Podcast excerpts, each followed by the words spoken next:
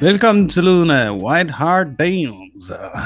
Det er, ja, jeg ved ikke, hvad dato det er, den 14. november, det er tirsdag aften. Vi har tabt to kampe på en uge. Senest 2-1 til Wolves. Vi fik lidt af vores egen medicin her med to overtidsmål imod os. Uh, en bitter oplevelse, men nok ikke helt ufortjent. Fordelt på både uh, skud på mål og generelt, hvad skal man sige, indstilling, intensitet i holdet. Vi kommer ind på det hele. Vi er venner af Wolves-kampen, og vi øh, tager også lidt helikopterperspektiv og ser lidt på, øh, om øh, vi har mistet momentum, eller om det bare var et lille blip. Og så tager vi lige lidt andet fra nyhedsmøllen og nogle lytterspørgsmål. Og når jeg siger vi, så er det et aldeles fremragende hold, jeg har med mig i dag. Og det er øh, ingen andre end huskorrespondent Lars Abel. Velkommen til. Mange tak. Lars, han er kommet så. Det er den næste gæst, ikke? Det er ingen andre end den sure gamle mand, Christian Bolny. Altså, hvis du ikke har nogen dato, så kan jeg godt fortælle dig, hvad dag det er. Det er Doomsday. Ej, det var jo i forgårs, øh, eller i lørdags, men hvad hedder det, Voldny, jeg håber meget, at øh, vi kan få smilet tilbage på dig øh, inden for den næste times tid. Ja, nu er jeg her, så prøver vi, ikke? Jo, så prøver vi. Og så har vi selvfølgelig Thomas Skov. Velkommen til dig, til dig også. Jeg kan ikke huske, fandt vi på et, et, et, et, et vi skal have et øgenavn til dig? Det, har jeg glemt det igen? Det ved jeg ikke. Du har før kørt mig hen under turguide. ja, det synes jeg godt. uh, turguiden, Thomas. Vi har en fælles tur tilmelding kørende med 48 tilmeldte. Okay. Jamen, kan du ikke bare lige starte med at fortælle lidt mere om det? Det lyder da, lyder da som en god måde at starte på, på en positiv note. Ja, men øh, efter lidt rod i rækkerne, så fik vi lige hurtigt styr på vores fællestur her til foråret i februar, um, hvor vi skal over til Wolverhampton revanchekampe. Uh. Um, og der har vi på under en uge fået skaffet 48, der er gerne med, med til den, fordi vi har kunnet sende folk afsted med tre overnatninger og en kampbillet for 1600. Sådan. Det lyder lækkert. Og øh, hvad skal man gøre, hvis man gerne vil med? Er der stadig plads? Der er i hvert fald to pladser, som er garanteret, mm. fordi vi er garanteret 50 billetter. Og ellers så har vi også fået lov at oprette en venteliste af klubben, og så kan vi tage nogle ekstra med, så frem der skulle være den mulighed.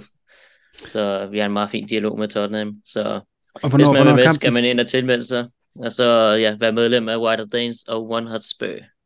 Og hvornår er kampen? Det er i februar? Det er i weekenden 16. til 19. februar. Hvad siger I, Lars og Voldny? Jeg siger, husk at tage støvler med, man ved aldrig med den situation, vi er i. det, lyder som, det lyder som en fed tur, det vil jeg sige. 60 personer, eller 50 personer, det er, det er alligevel meget godt. Der er også en fælles tur nu her i november, men den er, den er lukket og, og fyldt og sådan noget, eller hvad? Den er lukket og slukket, altså generelt, når vi skal hjælpe øh, dejlige danske fans med billetter, så, så er det en to-tre måneder i forvejen. Okay. Og hvis man er ude i, i god tid, så, så, så har vi faktisk rigtig mange muligheder for at hjælpe folk afsted. Fedt. Jamen, øh, det var kæmpe det var også godt, Det var også godt, han sagde rod i rækkerne, ikke rod i regnskaberne, ikke? men det, men ka- kassen, den er velplejet. den er plejet af Bjarke, er det ikke sådan? Jo, det er Kis, kasser Kis, Chris Bjarke. Chris Bjarke sidder på kassen, øh, og ja, der har jeg, der har jeg gode, gode vibes, tror jeg. Der er slet ikke noget, der er slet ikke noget, der bliver faret nogen steder hen der, tror jeg. Hvad hedder det, boys? Øhm, vi skal snakke om fodbold. Vi skal snakke om Wolves, selvom øh, jamen, vi, må, vi må gøre folk en tjeneste derude, fordi jeg er sikker på, at det ikke er øh, alle, der er kommet sig ligesom last. Jeg tror, der er mange voldnier derude, der sidder med rynker i panden. Øhm, to nederlag på en uge. Lars, øhm, skal vi ikke bare lige starte sådan overordnet check-in her? Hvad er din overordnede følelse lige nu? Nu siger du, du er kommet der. Hvordan kan det være? Det kommer jo an på, hvor, hvor meget man ligesom hopper op i helikopteren, ikke? fordi selvfølgelig er det jo top nederen at tabe to kampe på nu. Men det er så også de to eneste kampe, vi har tabt den her sæson. Vi er 8-2-2 efter, efter 12 kampe. Øh, vi har spillet øh, bedre, end jeg havde forventet i den her sæson. De nye spillere er blevet integreret bedre, end jeg havde forventet den her sæson. Arja er kommet bedre fra start, end jeg havde forventet den her sæson. Så alle, altså man kan sige, hvis vi, hvis vi starter, hvis vi starter kurven tilbage fra sæsonstart, så er det jo stadig en, langt, langt over middel øh, sæson, vi har gang i. Øh, det er så med en, en, en, øh, et dyk, et ordentligt dyk, en nederen dyk, og et dyk, der gør ondt øh, her på det sidste, men ikke desto mindre en god sæson indtil videre. Øh, mm. Som spørgsmålet er jo så, du ved, altså kommer vi tilbage på sporet, ikke? Og det er jo et dyk, som også er meget nemt at forklare med en masse ting. Altså jeg ved, inde på Mediano, der havde de uh, en række argumenter for, hvorfor det her var helt naturligt med, uh, vi lige spillet ni mod 11 i størstedelen af en kamp med 21 tillægsminutter, øh, som de synes, man kunne se på for eksempel Son, der spillede hele den kamp. Øh, øh, vi, vi, har, vi har tre nye bagspillere i startopstillingen, det kommer vi selvfølgelig ind på igen, øh, og mange spillere, som har spillet under meget defensive trænere de sidste flere år, øh, de er generelt stadig optimistiske for os. Volny, du, øh, du er stadig ikke helt kommet men kan du ikke godt se, øh, Lars, du har været taget det her billede efter 12 kampe med pointantal og ja, som Lars, de stats, som Lars han nævner, og så ja, med, ja, med, med de her skader ja. og alt det her i mente, så det har du vel taget fra, fra start. Kan du ikke, kan du ikke uh, trøste dig med det? Mm, nej, fordi uh, det er jo rigtigt sådan, konklusionen er jo rigtig, hvis man tillader sig at sige, vi stopper her og siger, hvad har vi? Mit, min problem er, hvis det havde været sådan drøbvist, så havde det været fint nok. Problemet er, at vi har, vi har fuldstændig tabt alting på, på en uge i forhold til alt det, jeg så, der var positivt og nyt. Og det er ikke kun i forhold til nederlag. Alle ved jo, at vi kommer til at tage på et tidspunkt. Og vi har også siddet og snakket om, at vi faktisk, vi glæder os til, at vi fik et nederlag, men vi glæder os til at se, hvordan modgangen vil blive håndteret. Uh, vi glæder os til at se, hvad Angie han kunne, og når det blev lidt, lidt kris, så der var nogle problemer. Men udfordringen her er, at den der aften mod Chelsea, det var Armageddon-aften, at, at det var jo ikke bare, at vi tabte, det var ikke bare, at vi fik nogle røde kort, og det var heller ikke bare, at vi fik nogle skader, det var nok de fire værste, du overhovedet kunne få, øh, og alle sammen endte selvfølgelig med at være værre, end vi troede. Mm. Øh, og at man så skulle se mod Wolves, at det kan vi godt bære. Det kan godt, at vi ikke kan vinde 12-0, øh, men det kan også godt være, at vi får et kryds. Men vi skal i hvert fald se, at vi kan rydde videre på den der vilje og den gejst og så videre. Og øh, Wolves-kampen for mig er mere trist end, end Chelsea-kampen. Øh, mm. Ikke resultatmæssigt, men, men måden. Og også at se de der spillere, der sidste år var en jammerdal. At lige så snart du fjerner de nye, så er de en jammerdal igen. Det giver nas, og det gør mig bekymret. Det gør mig meget bekymret, at Ange ikke har rykket sådan længere, Ange ikke har rykket nogle af de andre længere, når de kan falde tilbage til det der, når du fjerner de fire nye drenge. Eller Romeo regner jeg som en ny dreng, måden han har spillet på i år, ikke? Men det, mm. for mig er det mere end bare ærgerligt. Det er en meget stor rød lampe, der sidder og blinker, og derfor tillader jeg mig at stadig være i granatchok og synes, det hele er noget lort. okay. Uh, Thomas, hvad, uh, hvor, hvor er du henne? Uh, hvad, hvad en følelse så du med efter kampen? Ja, men hvis vi har en skala, der hedder Volny til Abel, så, så er jeg nok tættere på, på Abel end Volny. uh, øhm, jeg synes jo også overordnet set, så har vi gang i en meget positiv sæson. Uh, og det er jo skader og karantæner, som gør, at vi falder fuldstændig sammen mod Wolves, så kommer og falder tilbage og spiller det fodbold, vi gjorde under Conte, fordi det var Conte-spillere, og ja, dem, som har gjort holdet bedre, de var der ikke. Og så er det klart, altså vi ved jo godt, hvad vores trup de senere par år har været til, og det har ikke været til særlig meget.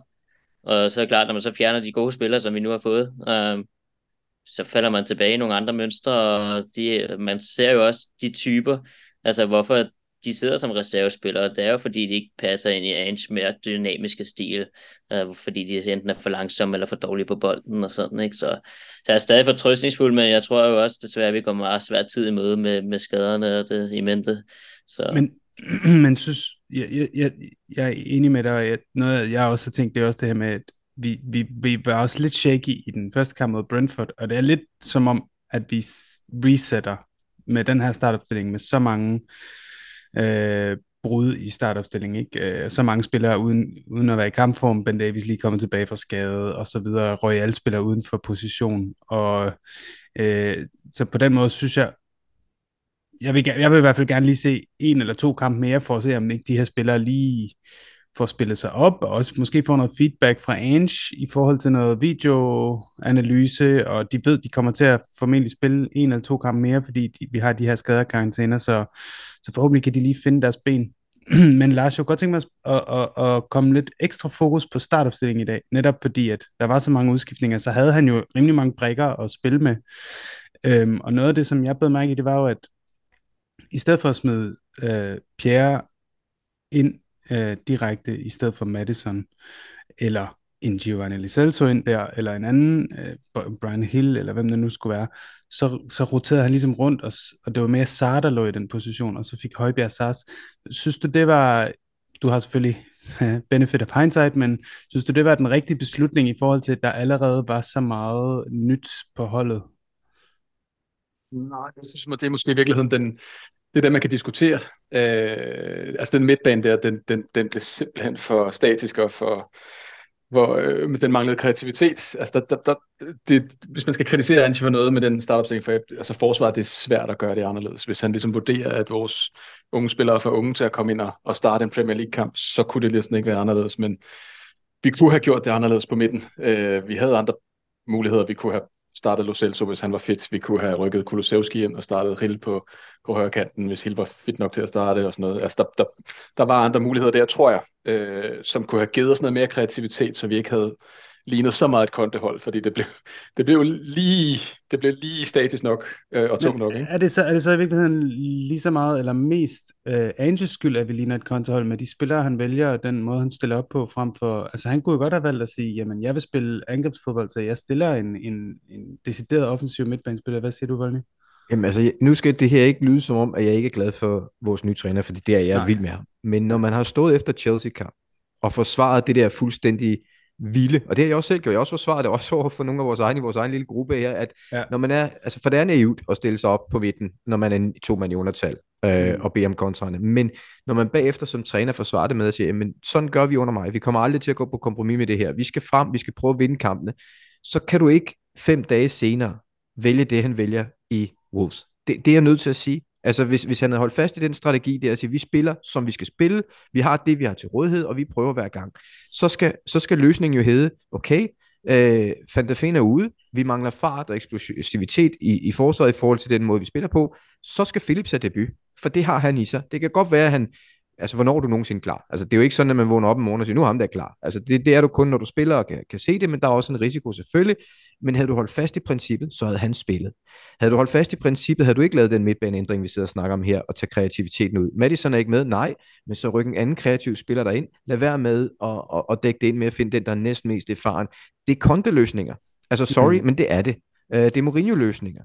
Og, og det er okay, hvis man har et resultat, og man skal gud død pine have et point, eller whatever, men når man står efter Chelsea-kampen og siger det, han siger, og han, vi skal tro på det, og det gør vi jo, vi vil tro på det, så synes jeg, det var nogle mærkelige valg, og nogle meget konservative valg, som også havde den konsekvens, de endte med at få. Og jeg kan ikke sige, at vi ikke har tabt 8-0, hvis man havde taget de chancer, vi snakker om her, men jeg vil ønske, at vi havde prøvet.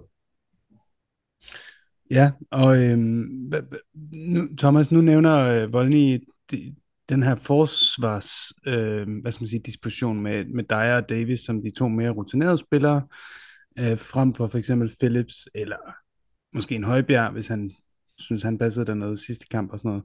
Men, eller man kunne have rykket Royal ind. Han, han, kunne, han kunne have disponeret på nogle lidt andre måder, selvom han, han var rimelig begrænset. Synes du, når han havde ham der Dorrington også, det var det, jeg vil sige, Alfred Dorrington, som skulle være et kæmpe talent, Synes du, at det giver mening? Øh, eller jeg, jeg, kan godt tænke mig, at du, du bare sådan kommer med din, din holdning til det her med, at han vælger de to gamle drenge, som måske ikke er i klubben om, lad os sige, et år, frem for nogle unge. Ja, men altså, når man ved, hvordan Wolves kan spille kontrabold, så synes jeg egentlig, det er fair nok at gå med nogle erfarne spillere, som jeg egentlig tænker på vil være kloge nok til at dække op for den slags bold. Um, også i og med, at vi ikke var mere dominerende, end vi prøvede at være. Altså, vi, så tænker jeg, at det godt ville kunne stå og parere. Um, og jeg synes også, at jeg ikke rigtigt, at han havde så mange andre muligheder. Der er kun Philips, der var en mulighed, og det er også lidt at blive kastet på løverne, ikke at blive kastet ind i sådan en kamp der, fordi man ved jo, at Wolves kommer med en eller anden dynamik og noget fysik, og det ikke um, så, så det vil være en lille dåb, ikke? Men som Volny så også siger, altså, man skal jo altid have den på et eller andet tidspunkt. Og Lars? Jeg, jeg, jeg vil til gengæld bare sige, jeg synes, jeg forstår godt Volnys pointe, men, men, men dig og Davis var, altså, øh, og, og det er på en meget svag og billig baggrund af alt muligt andet, og to af vores bedre spillere i den kamp. Jeg synes faktisk, dig er indtil minut 85 faktisk spiller en, en, en rimelig fornuftig kamp, og han faktisk også, altså på bolden spiller en rimelig fornuftig kamp nogle af de der ting, som, som vi manglede. Det er i hvert fald, altså, øh, det hører jeg heller ikke Voldene sige, men det er svært at, i hvert fald at laste dem øh, nederlaget, men jeg er enig i, altså, men det, det var også lidt min pointe i forhold til midtbanen, at, at det blev lidt konservativt, og jeg er enig med Voldene lidt imod øh, filosofien, og det er måske virkelig det, der var det mest øh, skuffende ved det. Jeg tror godt, jeg tror godt, at altså, det er i hvert fald ikke nogen hemmelighed, at, at jeg går mest op i det der med, om, om vi ligner et hold i fremgang, om vi, vi ligner Tottenham, og, og så kan jeg leve med mange ting, især resultatmæssigt. Og det er måske også derfor, jeg reagerer, som jeg gør her. Øh, men altså, jeg er jo enig, dig, dig og Davis gør jo lige præcis det, de kan. Du, du kan ikke klandre dem for noget som helst. Øh, men jeg er ikke enig i, i det, Thomas siger, at hvis vi ved, at Wolves spiller kontra, så skal vi spille med de gamle drenge. Nej, så skal vi spille med noget fart. Altså, det er den eneste måde, du kan håndtere de der, de der stik på. Øh, vi ser jo Davis og dig hænge på skift 2-3 meter bag linjen, fordi de er bange for at ikke at kunne nå at fange en spiller. Og, og det kan jeg godt forstå. Men det gør jo bare, at vi ikke kan spille, som vi gerne vil spille. Og sådan noget sætter sig i holdet. Øh, at vi så har en, en anfører foran, der, der slet ikke er på banen, og, og det gør det jo kun værre, fordi hvis han lige havde været god, så havde vi nok vundet 3-2 alligevel. Og, så på den måde er man afhængig af hinanden, men jeg synes bare, hvis man vil have holdt fast i måden, vi spiller på, så skulle du have truffet nogle andre valg. Og der bliver aldrig den rigtige dag for en ung spiller. Den rigtige dag, det er den dag, der er brug for ham, og så får du se, om han kan svømme, eller om han skal have noget længere tid. Den her kamp var gratis. Altså, forstået, at vi, vi kunne godt have tabt den, og vi tabte den også, men det ved alle. Øh, jeg synes, vi skulle have prøvet noget mere. Jeg tror, holdet sidder lige nu med en større øh, med et større problem og en større tanke på det der momentum, der kan være væk, end hvis vi havde tabt den med en masse unge spillere. Altså, det vil jeg umiddelbart vurdere. Jeg synes, den kostede mere end bare tre point, den her. Ja, vi havde spørgsmål. Jeg, jeg, jeg vil bare lige sparke en ting ind, øh, fordi det skal vi også bare huske i forhold til det, Voldny siger, at, at spillerne er afhængige af hinanden, og der skal vi huske, at nogle af de spillere, som, som Dyer og Davis osv. var afhængige af, det var ikke kun sådan, det var også Kulusevski, øh, flere spillere havde spillet 90 minutter meget tiden med ni mand i mandags. Altså så flere 110. af dem var fuldstændig, eller 110, ja, præcis. Så flere af dem var på fuldstændig flad, flad tank, og det vil sige, altså det, det spiller bare også ind på den præstation, som Dyer Davis kommer ind og kan levere, at, at du ved, du har bare ikke det outlet op foran. Kolosevski har ikke det der overskud, sådan slet ikke. Øhm. Ja, øh, jeg skulle lige til at spørge om noget, der kommer hen mod den pointe, Lars, og det var vores presspil, som jeg synes var en af nøglerne til, at øh, det var... Altså en ting er resultatet, og det her vi snakker om med, øh, med, med udtrykket og spillervalget, og at vi indkasserer de her mål til sidst, og måske bliver vi trætte og sådan noget ting. Men noget andet er, at presspillet, det virkede overhovedet ikke. Og der kan man sige, presspillet er jo noget taktisk. Selvfølgelig har det også noget at gøre med, hvor, hvor, mange løbemeter du har, hvor eksplosiv du er, sådan nogle ting. Men generelt vil jeg mene, at alle spillere kan træne sig til at i hvert fald i udgangspunktet spille et særligt øh, presspil, så kan man begynde at blive for træt hen mod kampen. Men det sad ikke på noget tidspunkt i kampen, det her pres, som vi har set så, være så godt i så mange faser af andre kampe. Øh, Thomas, sad du, og det ved jeg ikke, om du tænkte over presspil, men sad du og tænkt, at det her det lignede et træt hold, der simpelthen ikke havde benene til at, at lave det her høje pres i, i kampen, eller, eller lignede det mere, synes du, at spillerne simpelthen ikke, øh, det, jeg ved ikke, hvad det kunne være, at de, at de gad, eller at de ikke øh, simpelthen havde relationerne til at lave det her koordinerede pres?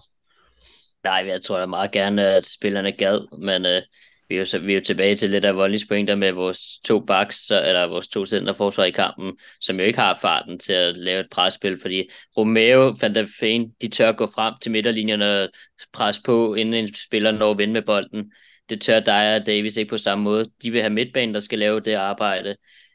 Og der tror jeg, at nogle af dem fra midten, de var trætte for, for undertalskampen. Og så, så på den måde, det var et knækket hold, og presset hang bare ikke sammen. Og samme, altså, Emerson har heller ikke den samme eksplosivitet, som en Porto har, når han spiller en bakposition og en Odogi. Ikke? Så, så det er jo bare mange ændringer, som gør, at de ikke er optimalt at spille på en Ange måde. Hmm. Men ja. men ja, vi skulle have prøvet alligevel. Um, når jeg tænker presspillet, tænker jeg jo, at de forreste rækker, det, det var som om, at Son og Kulusevski og Johnson aldrig var inden for 10 meter og Volny. Jeg tænker, jeg tror du, som Thomas siger, det er fordi, at presset starter bagfra i virkeligheden. At de skal, de skal have øh, ordren fra Pierre og Dyer og sådan nogen på det rigtige tidspunkt. Øh, og, og, og de, fleste, de fleste fodboldhold, jeg har været tæt på, der er det faktisk angriberne, der vurderer, hvornår man støder frem. Men når du gør det, så skal holdet jo med på stedet. Er der en, der hænger, ja. øh, så, så, så, kan du ikke, så kan de spille sig gennem presset. Men når man presser, og, og jeg er enig, altså hvis vi råber bolden, så det godt, øh, så skal vi nok finde ud af det. Men når du presser, er der altid den risiko for, at modstanderholdet slår en lang bold for, for at undgå at komme i ballade i den situation står vi jo normalt sindssygt stærkt, fordi vi har Fanta Fan og Romeo, der kan løbe alt op, og som kan håndtere en mod en situationer. I lørdags, der står vi med Davis og Dyer, øh, og de kan ikke løbe en, en hundlort op. Øh, og, og, det, og det er jo ikke deres skyld. men det er jo et valg, vi træffer. Og når du har den situation nede bag og du samtidig også har et resultat at forsvare, så tror jeg, det er noget, der sidder i holdet, og også i en træner. Lad nu være med at, at sætte os selv i en situation, hvor en lang bold kan, kan dræbe os. Øh, og det er helt fair, men det kommer jo tilbage til det valg, du træffer inden kampen. Er vi villige til at gå så meget med kompromis for at beholde de mest erfarne spillere på banen, uanset om de har spillet meget leg? Og det var vi åbenbart. Øh, og, og jeg havde også ondt af Emerson. Altså, øh, han, han ser virkelig ud, som om han er belastet, når han spiller i venstre side. Han, han har så svært ved de der en mod en situationer, ikke? Og det er jo synd for ham, for han giver alt, hvad han har, men der var bare mange, der var overmatchet. Øh, og, og vi, vi snakker også om det øh, på et tidspunkt kort, der med, at det er jo ikke fire tilfældige spillere, du så ud. Det er de fire spillere, som har løftet de andre til at blive bedre. Og, og, og det kan man bare se sådan en dag, ikke? Thomas? Jamen, jeg synes faktisk i princippet, så var det jo ikke uden bolden, vi tabte kampen. Det var jo faktisk for, at vi beholdt Ange fodboldfilosofien med at skulle spille den op bagfra, der endte med at koste kampen. Altså, det, det var jo nogle opspilsfejl, der var, blev gravet ja, meget alvorligt lige pludselig. Ikke? Altså, der er der forærer den direkte væk, og så fem mand, der står stille og kigger på et frispark, der bliver taget hurtigt og sådan, ikke? Altså, så, ja, og så, to situationer, hvor øh, baksene øh, var ude af position, som han gerne vil have det. Altså øh, ved 2-0 mål, eller ved 2-1 målet er det, mm. er det Royal, der, der ligger inde midt på banen sammen med alle de andre midtbanespillere, i stedet for at holde bredden, og så spiller de den bare ned i bagrummet bag her, øh, hvor han skulle have været, og ved, ved 1-1 målet, der er det dig, der har smidt ned over sidelinjen, mens Porro han er løbet frem, og det vil sige, at at da de tager indkastet, der, der er dig helt uden for billedet, fordi han er helt ude på den der højre, højre bakplads, og det hele er ligesom skævvredet på den måde. Så Lars, du har en kommentar? Ja, men jeg vil egentlig bare sige, fordi der, der er jo så mange trods alt formidlende faktorer omkring, specielt Chelsea-kampen og også Wolverhampton-kampen i forhold til, at man kan sådan efterrationalisere, hvorfor vi taber og, og alt sådan nogle ting. Jeg synes i virkeligheden, det mest bekymrende faktisk for mig at se, specielt med Wolverhampton-kampen er, Øh, når du hører øh, Angie bagefter kampen snakke om, at øh, vi jo også var trætte, og sådan nogle ting, og man kunne tydeligt se, at spillerne var trætte, at vi ligesom ikke øh, fanger den inden kampen. Altså fordi det skulle næsten være faktisk den primære, altså jeg kan godt forstå, at han vil holde fast i de spillere, han stoler på, men hvis vi nærmest allerede på forhånd havde en fornemmelse af, at de var for trætte til at gennemføre kampen på et tilfredsstillende niveau, så skulle det næsten være grund nok i sig selv, hvis vi nu ser bort fra de spilmæssige kvaliteter, men til, til at ikke køre med de samme tre på midten, som kørte øh, nærmest fuld skrald i Chelsea-kampen, Højbjerg øh, blev skiftet ind, men, men stadig. Øh, altså, det, det synes jeg faktisk er lidt bekymrende, for det burde vi med moderne øh, træningsmetoder og teknologi osv måske i virkeligheden have, have, have grebet på, på forgang. Øhm, jeg kunne godt tænke mig at stille et spørgsmål, øhm, som Stef- Stefan Kaiser, han skriver, kan I se klar og tydelig forskel på den her slags offensiv fodbold under Ange, end for tidligere, som for eksempel under Poch, øh, Volny, øh, noget jeg tænker, når vi sidder og snakker her, og når jeg læser det spørgsmål, det er jo, at da Poch kom ind, det var mere eller mindre på det her tidspunkt. Jeg tror faktisk, det var tidligere, det var måske allerede i september, efter et par kampe, hvor han kunne se, det her, det går ikke, jeg er nødt til at lave en revolution. Og så smed han, øh, så smed han øh, den gode øh, hjælpetræner, vi har i dag, som jeg lige har glemt navnet på, øh, Ryan Mason ind, Ryan Mason. han smed Ben Taleb ind, og han lavede den her revolution. Øh, at, er det, er det, at, mangler vi lidt at se det mod fra, øh, fra Ange i virkeligheden? At han netop bare siger, at jeg smider Dorrington ind, fordi det, det, nu, nu laver vi altså den her revolution. Jeg er ligeglad. Det, det vil være rigtig let for mig at sige ja til det, fordi det vil spille meget godt ind i, i min pointe for tidligere. ja, præcis. Øh, ja, altså, jeg håber da, at og hvis det er sådan, så har det været det hele værd. Jeg håber da, at Ange vil se det på samme måde nu. Øh, men man skal jo ikke gøre det der bare for at gøre det. Øh, dengang Poch gjorde det, var det jo også øh, mere gratis, end det er nu, tror jeg. Altså i Tottenham. Øh, vi har fået en smag, som Lars også siger, vi har fået en smag for, øh, hvad der ligger og venter på os den her sæson, og det tror jeg også, det er derfor, det bliver så resultatorienteret mod Wolverhampton. Øh, det tror jeg faktisk, det er, at han, han ligesom prøver at få sat en prop i, så vi kunne øh, bevare vores position, og så kan vi holde os i nærheden, og så få nogle spillere tilbage og sådan noget. Jeg, jeg synes, der er stor forskel på måden, vi spiller på fra Pochettino til Ange, selvom der har været nogle grimme mellemregninger i, imellem. Ikke? Man kan hurtigt føle, at det var angrebsfodbold dengang, nu er det angrebsfodbold igen. Men jeg synes, det er meget anderledes. Jeg husker Pochettinos som mere sådan øh, øh, rullende offensiv fodbold. Øh, flere pasninger for at finde hullerne, hvor at Ange er mere direkte, og, og typerne er også mere direkte. Jeg, jeg synes ikke, det er den samme, udover at mindsetet af Tottenham, at vi skal, vi skal frem, og, og vi vil have bolden, og, og vi skal vinde. Øhm, og man tør løbe en risiko ved det. Så der er nogle sammenligninger, jeg synes bare ikke, det er sådan det samme. Øhm, men øh, jeg jeg kan da huske det, du siger. Jeg kan godt huske Pochettino på et tidspunkt, og sagde, nu, nu prøver vi bare. Og det var det samme, Harry Kane kom på holdet på samme måde jo, i sin tid.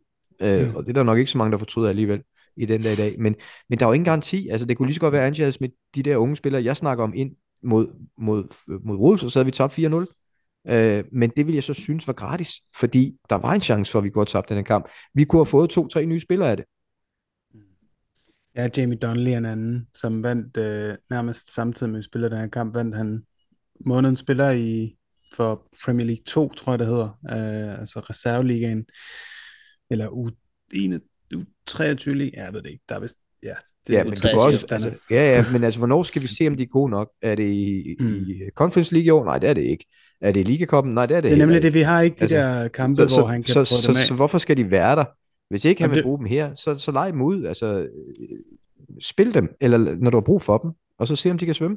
Og det er også det, der var min pointe lidt før i forhold til, at vi, vi regner, der er jo ingen, der regner med, at der er i klubben efter sommertransfervinduet. Så øh, hvad, hvad er den langsigtede plan med at lade ham spille ham ind på holdet nu, ikke? Uh, Davis måske jo holder han en sæson mere som backup. Men lad os, øh, jeg kunne godt tænke mig at høre, om I har, er der nogle flere positive negativer, eller generelt måske små hemmelige momenter fra kampene? I, I kan få en runde hver, I må gerne vælge en eller to øh, hver, hvis I vil. Øh, Lars, vil du starte? Ja, Jeg, jeg har øh, under positivt, øh, i hvert fald Brennan Johnson, øh, noteret ikke, Ja. over samt, ikke over samtlige 90 minutter. Øh, men jeg synes, han øh, for det første scorer han jo, men for det andet synes jeg også, der var mange positive øh, tendenser i hans spil. Øh, han lignede en gevinst for os øh, på kanten, øh, også når de andre spillere er klar.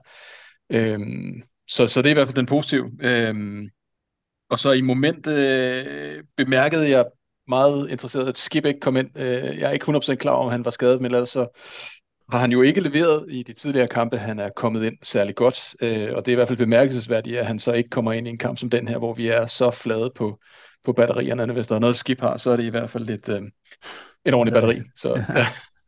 Ja, god pointe der. Det er, det er også interessant, men øhm, han skifter selvfølgelig Bentancur ind, så Skip er nok også røget endnu længere ned i, i hierarkiet på den måde.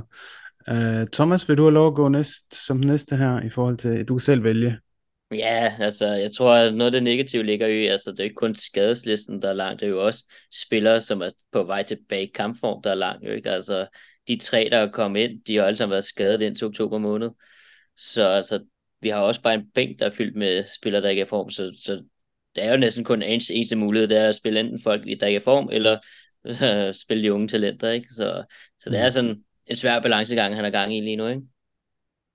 Ja, og så fik vi jo en, øh, en, øh, en spiller mere på, hvad skal man sige, ikke tilgængelig listen. Nu kommer jo Doggy forhåbentlig tilbage, selvom han, øh, han er så ikke blevet udtaget til den italienske landsholdstrup, der kommer tilbage til lige lidt, men øh, han er forhåbentlig klar igen mod Villa her om, om små to uger, og øh, øh, men så til gengæld mister vi Bissouma, som fik sit femte gule kort.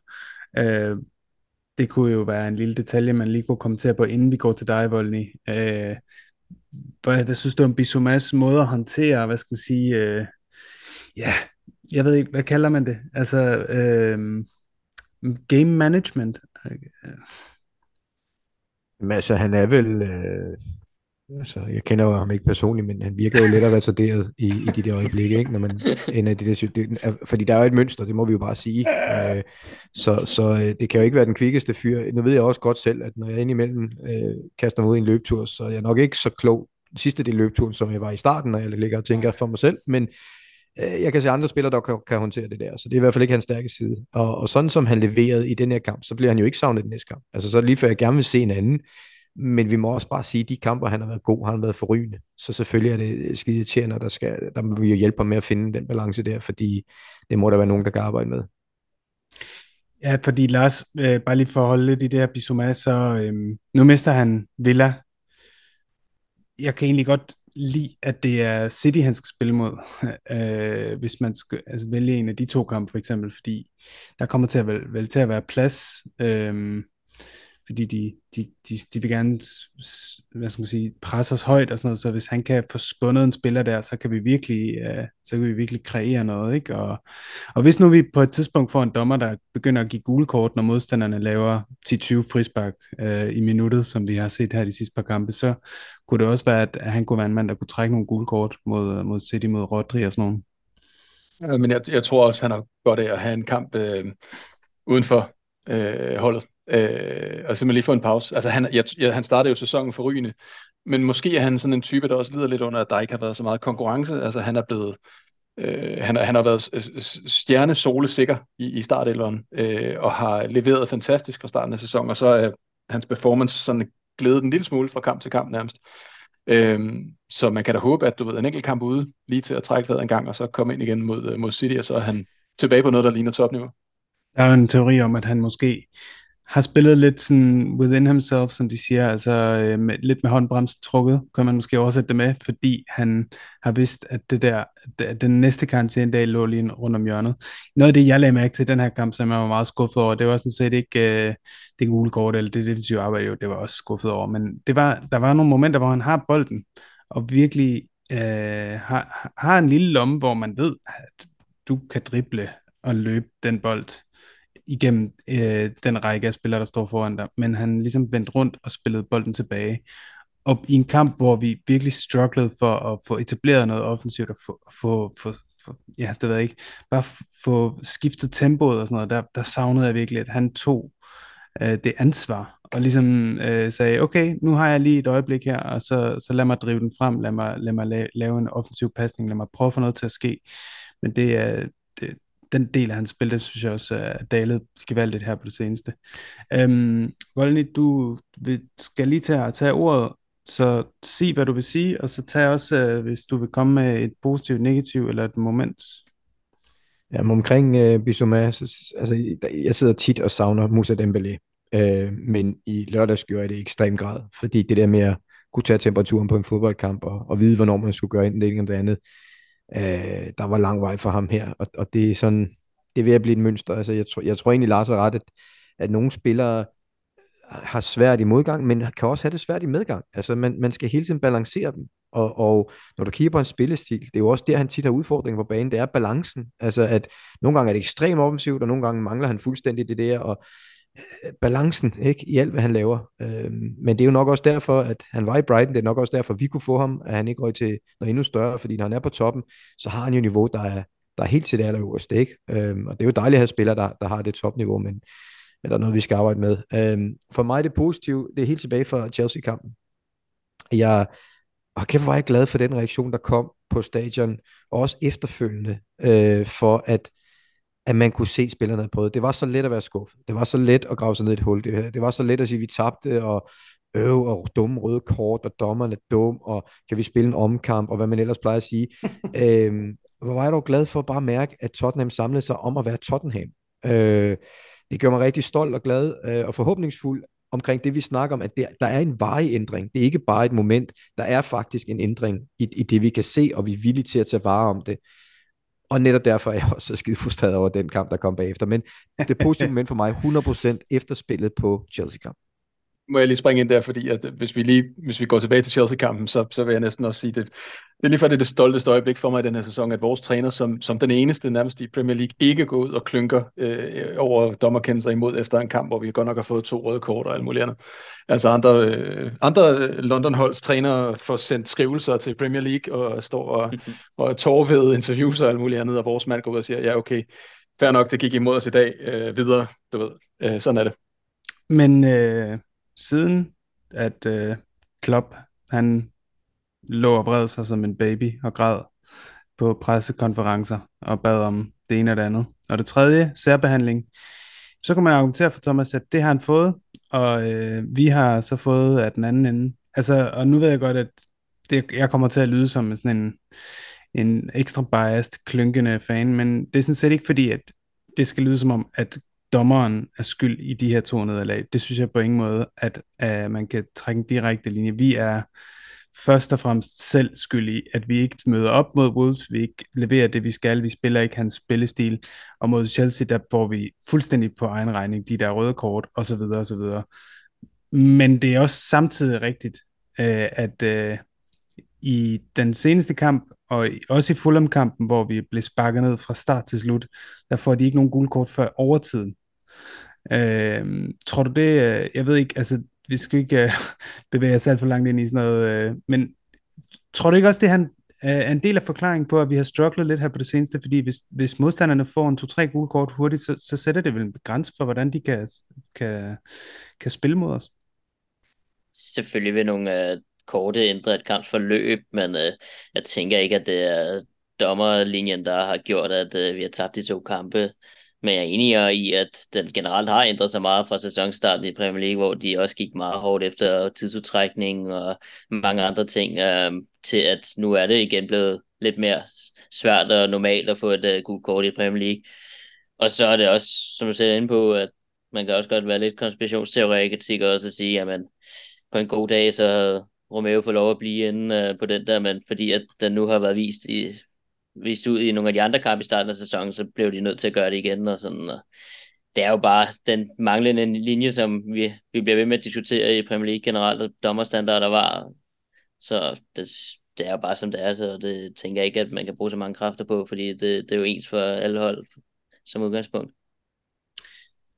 Hvad, øhm, et positivt der i hvert fald var, det er, at øh, vi øh, skal, eller jeg ved ikke om det er positivt, der skal jo ligesom være nogen, der gør sig fortjent til det, men vi, skal, vi, vi, vi lagde det som sædvanligt øh, kampen spiller afstemning op, og der fik øh, Pedro Porro øh, over 50% af stemmerne, eller 53,3% af stemmerne fra vores lyttere, øh, foran Johnson og Davis, som var de to andre nominerede. Øh, og så var der en Ulrik, der nævnte Bentancur i, øh, i en kommentar, men øh, hvad, hvad, hvad, hvad, hvad siger I til det?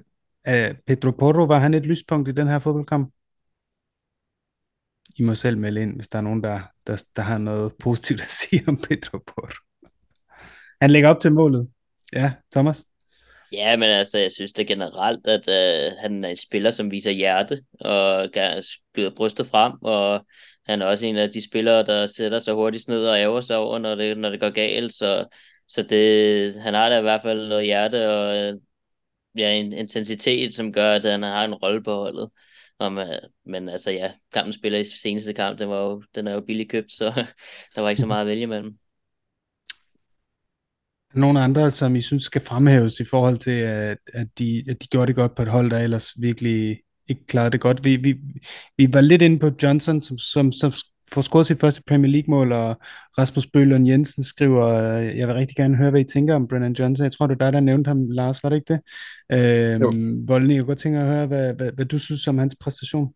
Øh, lovende. Øh, jeg, jeg følte sådan lidt, at øh, vi kunne få mere ud af ham. Altså, der er endnu mere. Øh, når jeg sidder og kigger på hans løb, så er det som om de andre ikke rigtig ser ham endnu. Øh, jeg synes, han gør noget andet end det, vi plejer, og det er selvfølgelig sindssygt spændende, fordi øh, så kan vi faktisk variere i måden at gøre det på, alt efter hvilke typer man vælger. Jeg synes, der er mere i ham, end vi har set, men det, jeg har set, har gjort mig glad, så jeg er sådan set enig i, også i det Lars siger, at, at det var et frisk pust. Øhm, men jeg tror faktisk, der er endnu mere i ham. Jeg kunne også godt lide den der gærighed, jeg synes, der, der, der er i ham. Altså, han, han er der ikke bare for at være der. Han, han vil faktisk udrette noget. Øh, så øh, jeg, jeg er sgu positiv omkring det. Jeg synes, det er en, øh, en, en dyr... Øh, det er en dyr tilføjelse i forhold til, hvad, hvad han har vist, men jeg kan godt se, hvad det kan give.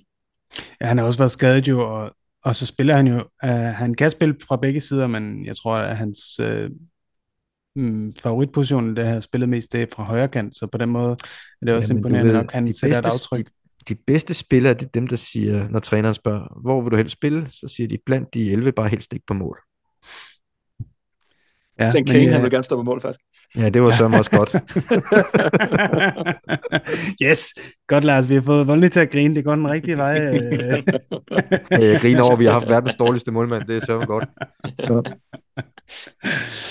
Øhm, godt. Stefan Juhl, han skriver, burde man skifte taktik, når nu skadeslisten er så lang, som den er, burde Ains tage nogen fra U21-teamet op? Det var noget af det, vi snakkede om i sidste time, med, eller i sidste under, undervisning, så, så klog er jeg heller ikke, at vi kalder det her undervisning, men i sidste udsendelse, øhm, og jeg ved ikke, øhm, Lars, at fordi Johannes øh, argumenterede over for mig for det her med, at vi kunne godt være lidt mere pragmatiske, da vi var 9 mod 11. Det har vi ligesom snakket om. Skulle vi også have været lidt mere pragmatiske i den her kamp? Øh, eller var det i virkeligheden det, der var problemet, at vi var faktisk lidt for pragmatiske? Ja, det, det, det, synes jeg, det synes jeg faktisk. Altså, jeg, jeg synes ikke, vi skal være, jeg synes, vi blev pragmatiske, og det var ja, i virkeligheden det, der var problemet. Ikke? Øhm, mm. Men det er jo to forskellige ting, det der med øh, at ændre spillestil eller at tage nogle af de unge op, fordi du kan jo godt tage nogle af de unge op og, og fortsætte med samme spillestil. I virkeligheden er det lige før, at det er, det er to ting, der, der hjælper øh, hinanden i processen. Ikke? Øh, mm. Fordi de unge måske er nemmere at, at modellere og, og få til at fungere i, øh, i, øh, i Anges øh, stil. Godt. Øhm, så den sidste ting her omkring øh, Wolves-kampen, så synes jeg, vi skal gå videre. Det er sådan lidt, øh, hvis vi tager den tilbage i helikopterperspektivet, hvor vi startede, altså frygter I så, at det her det sætter sig, som i at vi nu har mistet momentum, øh, og i det, i, i det spørgsmål ligger også, øh, om, om landsholdspausen bekommer os godt eller skidt. Hvad, hvad tror du, Volny?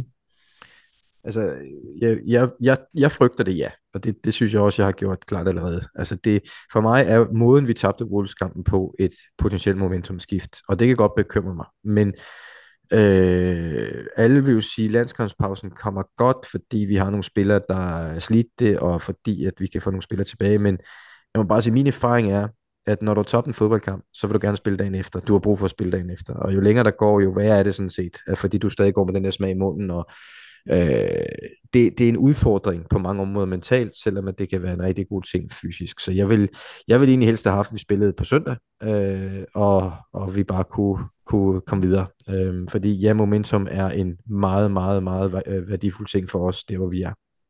Og øhm, det vil sige, at de spillere, der er udtaget, kan man sige, de får måske lidt det fix, at de kommer i nogle kampsituationer og kommer lidt videre. Øhm, så som spiller som Bentancur, der er blevet udtaget, for eksempel, er det en positiv eller en negativ ting, Thomas? Øh, han får måske nogle flere kilometer i ben, øh, hvis man ser det fra den positive side, men fra den negative Nej, side kommer han måske tænker, skadet.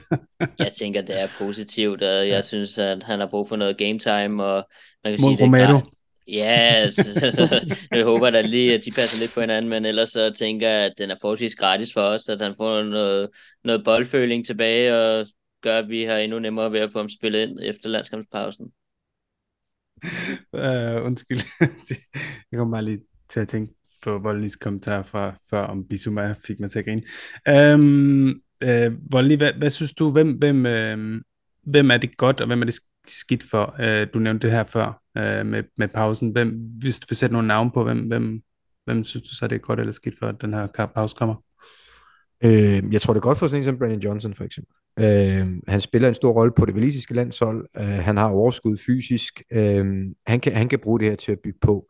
Øh, det kan også, sådan en som Vicario kan også være fint øh, komme ned til Italien og, og ikke have det store pres på sig, øh, men, men, men jeg, jeg kan godt være bekymret for Bentancur. Altså jeg kan godt være bekymret for en spiller, som, som er så skrøbelig fysisk, og vi ikke har, altså, vi har brugt ham i et par kampe indskifter, men man kan godt se, der mangler noget kommer ned til et landshold, hvor han er den store stjerne, skal måske starte inden. Øh, den kan jeg godt mm. være bekymret for. Jeg synes heller ikke, Son ligner en spiller, der burde spille landskamp nu. Øh, han skulle heller ligge i et badekar i, i et par uger, ikke?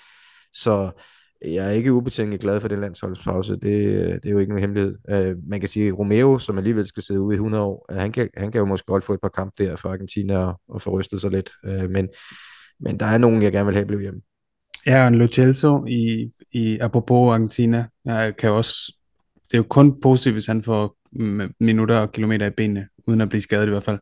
Øhm, og i forhold til Son, så er det også en, en pointe, Lars, at uh, Richarlison er blevet opereret, uh, som vi nævnte på sidste podcast, og det vil sige, at han er ude cirka en måneds tid, regner de med. Og så har vi jo ikke rigtig andre, der kan spille den nier, så Son han kommer til at spille 90 eller 100 eller 110 minutter hver eneste gang nu. Vi har jo vores unge argentinske ven jo, Alejo Veliz. Ikke? Ja, Ja, ja. Udtale, ja. Tak, tak. Feliz. ja, ikke Feliz, nej. Men, uh, Men i forhold til ja. det der med land, landsholdene, så er det vel også lidt vigtigt, hvad det er for et landshold, de kommer hjem til, og hvad det er for nogle kampe, de kommer til at spille. Altså jeg tænker for en spiller som Højbjerg, så gør det jo en kæmpe forskel, om man kommer hjem og kvalificerer sig sammen med det danske landshold, eller om vi øh, falder fuldstændig igennem. Øhm, og så skal han slæve den med tilbage. Øhm, til Ja, det, det er på fredag, det bliver spændende hjemme mod øh, Slovenien, ikke? Øhm, eller er det ude? Nej, det er hjemme. Hjemme. Hjemme øh, ude mod Nordland, ja. og så ude mod Nordjylland, hvor det forhåbentlig ikke bliver nødvendigt øh, at få Der skal man også tage støvler med, hvis man har billet til kampen, har jeg Ja. hørt. det ser sådan ud. ja. Øhm, men, men Volden, jeg kunne godt tænke mig bare lige helt øh, kort at få dit input på Italien. Nu nævner du Vicario. Øhm, tror du, hans første landskamp kan ligge og vente med den ekstremt fantastiske form, han har haft? Øhm, og hvor Donnarumma måske ikke er i helt lige så god form, uden at være oppe på beatet? Altså det? historikken i Italien siger nej. Øh, men øh, jeg tror, han er der, hvor at hvis det er, at Donnarumma får en, en karantæne eller en skade, så er der slet ikke nogen tvivl om, hvem der er, der skal ind. Og det har jeg det fint med. Altså, den rolle kan han jo også, han kan godt mærke den tillid, der er til ham. Jeg tror også, når han kommer til den italienske land, så kan han også mærke, at respekten om ham stiger, øh, og det er ham, der er nummer to nu. Og, sådan. og det, det, øh, det tror jeg, han har det fint med, det er godt for ham. Og, og det gode ved at være i den situation, og have den historik, det er også, at når du så selv er nummer et, så ved du også, at der er længere snor. Øh, så det er ikke kun negativt, at, at man altid holder fast i nummer et. Så jeg tror egentlig, det, det, det er fint, at han nu er den klare nummer to, og at man i Italien godt kan se, at ham der, han kan godt stå i mål. Men problemet er lidt, at Donnarumma blev en stjerne så ung, at uh, Vicario, han kan jo stå på mål til han er 38, og så Der er mange dygtige målmænd, der har haft en rolle der.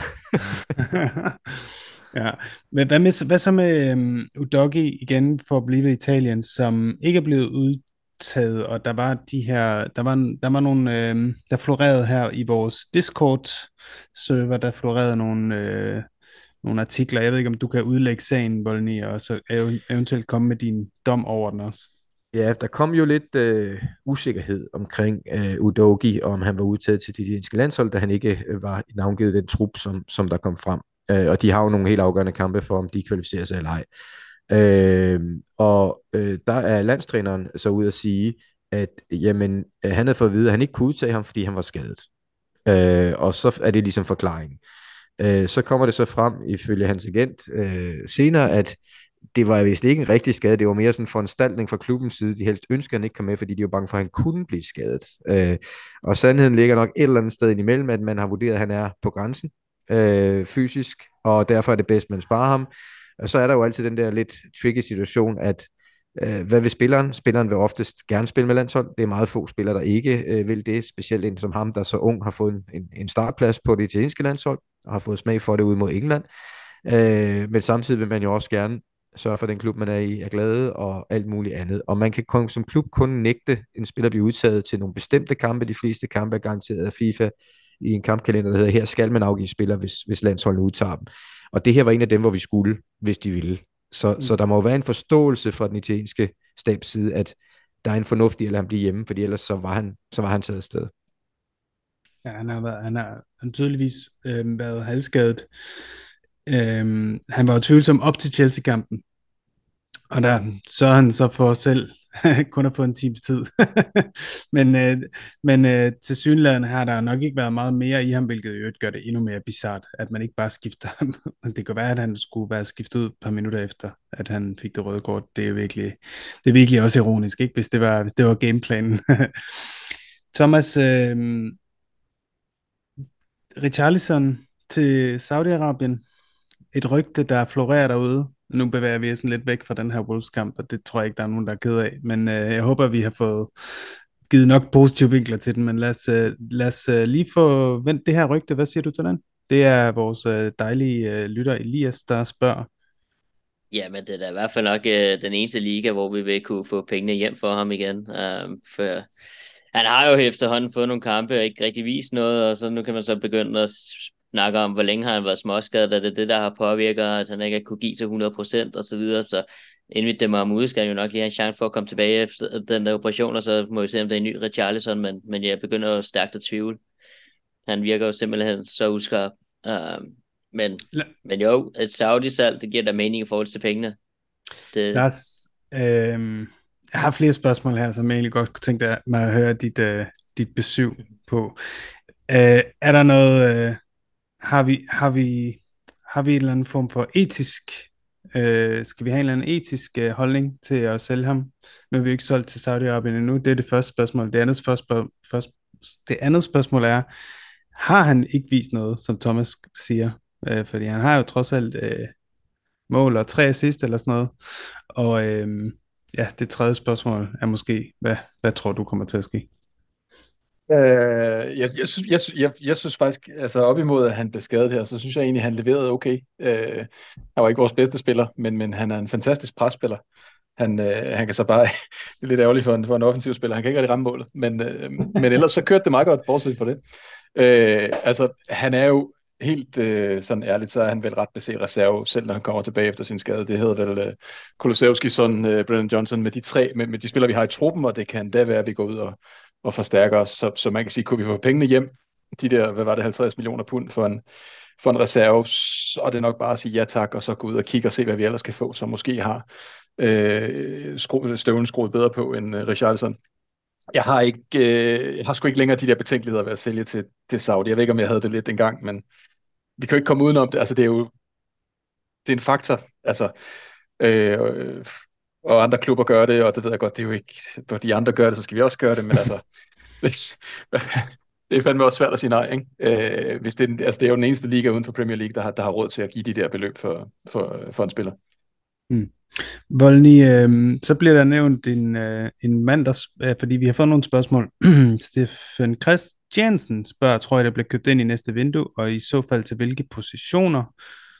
Øh, og her vil jeg gerne smide angrebsspiller ind som et bud, fordi der har vi øh, fået spørgsmål fra Elias igen, Elias P., som skriver, vil Santiago, Santiago, jeg tror han hedder Jimenez fra Feyenoord, øh, være en god signing. Jeg synes sat med, han ser målfarlig ud, og han lister alle mulige hat og wondermål, han har scoret her på det seneste. Jeg ved ikke, om du kender til den spiller, men tror du, det er en position, øh, vi, vi vil fokusere på? Og øh, hvad siger du til øhm, ham? Kender du ham? Altså, jeg, jeg har set ham lave nogle mål. Jeg synes bare altid, det er skidesvært, det der. Altså, laver du mange mål i den liga, vil du så, mm-hmm. altså, det handler om, hvordan spiller holdet, og, og hvis ikke han vil passe ind i det mål, vi spiller på, så er det ikke ham, vi skal have, uanset hvor mange mål han laver. Øh, du kan også tage nogle andre angriber i Premier League, der er skide gode, men sikkert ikke vil kunne en pind for os, og omvendt. Øh, jeg har også hørt, at Richarlison var okay i Everton, øh, så ja. det handler også om, hvordan man spiller fodbold. Øh, jeg tror, at det der med, hvor vi forstærker os, jeg tror, vi har mulighed for det. Øh, men det er meget et øjebliksbillede, ikke? Altså, hvis, vi, hvis der var transvindue lige nu, så vil vi kigge på en centerstopper. Det vil vi jo. Altså, en, der er hurtig, fordi selv hvis de to andre kommer tilbage, så har vi set, hvor, hvor sårbare vi er, når ikke de er med, øh, hvis ikke vi har en tilsvarende type. Så hvor vil jeg være mere varsom at sige, øh, i forhold til, hvad vi køber? Men jeg tror helt sikkert, der er mulighed for, at vi til vinter kan gå ud og lappe noget, eller forstærke noget, hvis vi har brug for det. Øh, men det vil selvfølgelig også være lettere, hvis vi kunne få noget den anden vej. Og i forhold til Richarlison, altså, jeg synes ikke, vi er den klub, der efterhånden kan tillade os at være kredsende, hvis der er nogen af vores fejlkøb, som kan give penge hjem igen. Der er mange, vi efterhånden vil ønske, vi havde retur på, ikke? Så øh, lad os bare til det. Jeg tror ikke, der er nogen tvivl om, at vi, at vi køber en, øh, en centerforsvar. Hvis, hvis der var tvivl på nogen måde før Van der Feen blev skadet, så er der i hvert fald ikke længere. Øhm, så, så det gør vi stensikkert, og jeg tror måske også, altså man kan sige, det er jo den positive konsekvens af den gode sæsonstart, vi har fået, at det kan jo godt være, at man sidder og kigger på tabellen og tænker, Champions League fodbold næste sæson er x antal millioner pund værd. Det er vi meget, meget tæt på at kunne sikre os. Husk, det er jo øh, formentlig top 5, der kommer med i, i Champions League i næste sæson. Øh, går vi ud og henter en, ud over en centerforsvar, også en offensiv spiller, så øger vi chancen med x antal procent. Altså det er jo, det er jo i virkeligheden matematik i et eller andet omfang. Øh, som, som også i, øh, i Levis hoved må, øh, må, øh, må, må give mening, det regnestykke der. Så, så jeg, tror, jeg tror, der er pæne chancer for, at, at centerforsvar er 100% sikkert, offensiv spiller også relativt sandsynligt.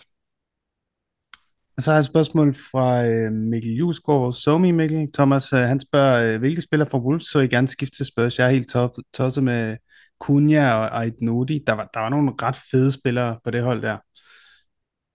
Ja, men det er jo også igen, øh, det er klub- og spillertyper det, og jeg tror, at og så er det måske Dr. Wolves. Tottenham, de spiller jeg, tror, jeg tror, at uh, Wolves er et uh, hold, hvor man sagtens skal brænde nallerne på. Ikke? Man kan også se som en spiller som Revel Remenes, der i lang tid bumpede løs for dem, ikke? og nu er han jo en skygge af sig selv. Uh, så, så tror jeg, der er ikke nogen decideret, jeg tænker, der vil bare lige gå ind på holdet, sådan som udgangspunkt. Nu, nu hjælper jeg dig lidt, Thomas. Det, som Andreas gerne vil have, du siger, det er, at vi skal have Doggett tilbage.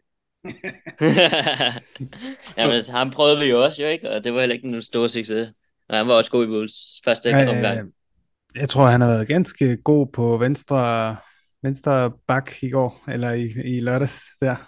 Nej, hvad hedder Voldny? Hvad med dig? Synes du, der er nogen på det der Wolves som du er lidt lun på? Øh, nej, altså jeg, jeg tror også, det er et hold, som... Altså det er muligt at blive klog på dem. Øh, mm. Tabellen øh, siger jo også, hvor kvaliteten er, men det er sådan nogle hold, der på dagen kan være sindssygt besværlige. Det er lidt ligesom med Brentford. Hvem er egentlig de rigtig gode spillere i Brentford, ikke? Altså øh, med Wolves er lidt det samme. Det er sindssygt svært at pege ud. Øh, det er tit er sådan nogle informspillere, som er gode tre måneder, så er det en ny. Øh, man kunne sige, ham øh, der scorede 2-1 målet, Lamina. Lamina, men omvendt, han har sgu også haft en karriere flere steder, hvor det ikke er gået godt i de store klubber, og jeg, jeg tror, jeg vil lede andre steder, hvis jeg skal være helt ærlig. Så jeg vil gerne have deres, deres, deres keeper, men det er ikke fordi, jeg synes, han er fantastisk. Det er bare fordi, som reservemålmand vil han være klasser bedre end den reservemålmand, vi har mm. i forvejen. Så, så det er lige der, men uh, det er nok ikke noget, vi skal prioritere budget på. Ja, Fraser Forster er den perfekte tredje målmand, ikke? Så vi mangler ligesom den perfekte anden målmand. Øh, men uh, hvad hedder det? Um, jeg havde et spørgsmål mere her. Uh, dit, dit, dit, dit, dit. Ja, uh, det var Rasmus Bølund, som uh, skrev flere spørgsmål. Rasmus Bølund Jensen, skal det siges. Uh, ja, han skriver, der er faktisk to spørgsmål. Okay, så den, den kommer her, Voldny. Uh, øh, kunne være fedt at høre nogle indblik i forhold til den kommende tid, indtil vi er tilbage mod fuld styrke. Han spørger så uh, især i forhold til strategier på midtbanen, og hvor tænker vi de svage sider er, og jeg tror, at det han prøver at skrive, det er første tredjedel, anden tredjedel eller tredje tredjedel øh, på banen. Og så skriver, og her bliver du glad, for der er et top, top navn her. Jan Bæk skriver Pugdal Wilhelmsen. Tak. Ja, han skriver, hvad tænker I om de næste kampe mod Willy? Willy? Willy, han er stærk. Willy. Uh, uh, Aston Villa, City, West Ham og Newcastle. Personligt tror jeg, det bliver rigtig svært, da meget af vores spilkoncept ryger med Fan og Maddie ude. Så Jan Bæk, han har nogle gode... Uh, han er på mellemnavn med Nicky Fane, og uh, ja, yeah, anyways, sorry. Langt spørgsmål. Uh, kigger du lidt fremad her i krystalkuglen, og så kan du sådan lidt vælge fra de her spørgsmål, hvad du har lyst til at sætte fokus på. Fik du Aston Villa til at blive til Willy? det var City og Villa. Der, det er fandme voldsomt. City og Villa, der blev uh, mange. Ja, altså, jeg havde det sådan, og det håber jeg, de fleste havde. Efter den her Chelsea-kamp, så har man det sådan lidt, okay, nu skal vi lige stramme ballerne sammen. Vi ved, der kommer en svær periode. Uh, lad os se, hvor meget vi kan skrave sammen, og så når vi får fuld styr igen, så, så, så skal vi tilbage. Uh, der har, som folk nok kan høre, Wolves-kampen sat et, et lidt større, uh, lidt større indtryk på mig, end, end jeg havde håbet. Uh, så jeg er der, hvor vi skal tage alt, hvad vi kan få. Øh, jeg, jeg tør ikke at kigge flere kampe frem, og jeg har også lidt sådan øh, bekymring omkring, at, at når så de her spillere drøbvis kommer tilbage, at man så sådan, åh, nu er han tilbage, så skal han spille, men vi skal også huske på, at hvis det, som vi er, måske er om to uger, kan hive dem, der kommer tilbage ned, i stedet for at de hiver det andet op. Det er også en risiko, vi skal, vi skal tænke over. Ikke? Øhm, for mig at se, Villa er lige så ringe ud, som de er hjemme. Og derfor skal vi gå til den kamp med fuld skrald. Altså, det kan godt være, at vi har vores udfordringer, men det skal de ikke have lov til at fornemme. Altså, der, der skal, for mig er det en kamp, hvor vi virkelig skal gå 100% efter alt, hvad vi har. Øh, de to andre synes jeg er giftigere, fordi det er sådan nogle, hvor man godt kan i, øh, i noget taktisk ballade og noget kontrakniv og alt muligt andet. Øh, jeg har ikke, jeg tør ikke sætte målstillinger længere. Jeg havde nogle håb inden den der udskamp, men, men jeg har men et... den der vilde kamp, det er i hvert fald en, jeg kigger på og siger, den, den, den vil være fin at vinde. Rigtig fin. Mm. Og i generelt et point. Altså ikke at tabe de her kampe, det, det er et eller andet sted positivt, selvom vi skal selvfølgelig håbe at vinde nogen, men det der med at få nogle krydser hjem også. Øh, altså i den la- sidste ende, når, når man gør regningen øh, efter, efter alle kampe spillet, øh, så kan det ene point her og der, der ikke smagte så godt lige da man fik det, jo godt være gøre en forskel, men det er jo alt sammen forudsat, at vi kommer tilbage, hvor vi var inden Chelsea-kampen. Ellers så, så ja. kan det jo hurtigt gå, gå syd på, ikke? Lars, hvad, hvad så i forhold til det her, Rasmus spørger med, at midtbanen, eller at hvilken en af de, hvis man deler holdet op i tredjedel, hvad er det så for en, hvor, hvor synes du, vi skal forbedre os mest? Øh, lige nu midtbanen. Øh, altså jeg synes faktisk, vi savner Madison mest, altså af, af de spillere, der er ude, og skal vi huske, at Romero kommer jo relativt snart tilbage. Han er jo ikke ude i, i så lang tid igen. Han har to karantæne dag mere, ikke? Øh, Udogi mm. er tilbage. Næste kamp, Bissouma har kun en enkelt øh, dag ude. Altså, så, jeg, jeg synes mest, det er på midten, vi savner noget kreativitet, men jeg er også spændt på at se øh, til den kamp mod Villa der, om, om vi finder nogle andre løsninger, om det er Lo Celso, der kommer ind, eller hvordan vi gør, og om det ligesom kan, kan give et fix øh, i forhold til det, øh, i forhold til det, øh, det vi mangler. I øvrigt enig med Volden i, at vi skal tage alt, hvad vi kan få. Den, den, den vil jeg gerne skrive på. Men vil du være tilfreds med, med uafgjorte kampe? Lad os bare sige fire krydser her. Fire point, fire Nej. kampe. Nej, ej, jeg vil sige, vi skal op og have syv, ikke? Vi skal lige huske, en af de kommende fire kampe, det er jo, et, em, hvad hedder det, de, de stensikre tre point i banken op på Etihad, ikke? Øh, så hvad hedder det? det er rigtigt. den, den, den vinder vi altid, så, så den er jo ligesom i banken, ikke? Så skal Ej, vi, det er nok med det kamp, vi plejer at vinde. Ja, er det ikke begge to? Ja, det, på de sidste har vi faktisk vundet på udebane også. Ja, Øhm, præcis. Okay, øhm, hvad, har du øh, nogle øh, kommentarer til alt det her, Thomas, i forhold til de næste kampe, og hvad vi skal være tilfredse med? Og... Det bliver en ekstremt spændende og nervepirrende periode. Det er kommentaren, tror jeg. Altså. Jeg er tilfreds med alt, hvad vi får, og forventer et absolut minimum. Øh, forventer ikke meget mere end fem point, men håber, det kunne blive til ja, 7 stykker, hvis man er heldig. Lige læst et navn. Undskyld. jeg undskylder på forhånd til den her person. For så sjovt er det heller ikke. Jeg tror, jeg er overtræt. Sidste spørgsmål vil jeg, og, det, og igen til frit her, det er Magnus Bese Longsted. Eller Bise, eller... Ja, jeg, jeg læste først om Bese, og det var det, det, det, det, er det er jo. Longsted, der er, det er der er vigtigt her. Det er det, der, det, er det, der trækker det helt op, ikke? Det er Det lidt var ligesom Longstaff, bare bedre. Har der, været, har der været udslip af et eller andet nede der, hvor du går? Øh, jeg var så træt. Hvad hedder det? Tandlægen nedenunder har jo åbnet for. Men Volny, det er fordi, du skal forklare det, fordi jeg så, jeg, jeg læste det først som Besse, og så begyndte Ja. jeg at grine over Besse, men han hedder Bese, tror jeg. Men man skal så ikke grine af gode navne, det, man så skal så jeg. Longsted, og det var simpelthen, som du siger, det var så genialt, og så, var, Ja. så, det, så, så kunne jeg ikke stoppe igen. Han spørger, hvilke spillere tænker I kunne være godt gode at købe ind? Og det er jo bare sådan lidt frit fra hoften, hvis I vil nævne en hver, som I kunne, uh, kunne tænke jer, altså et navn, som I synes passer ind, spillestil, du nævner en hurtig forsvarsspiller, Voldene. Vi har nævnt, øh, hvis vi sælger Richarlison en angriber, vi, vi mangler kreativitet.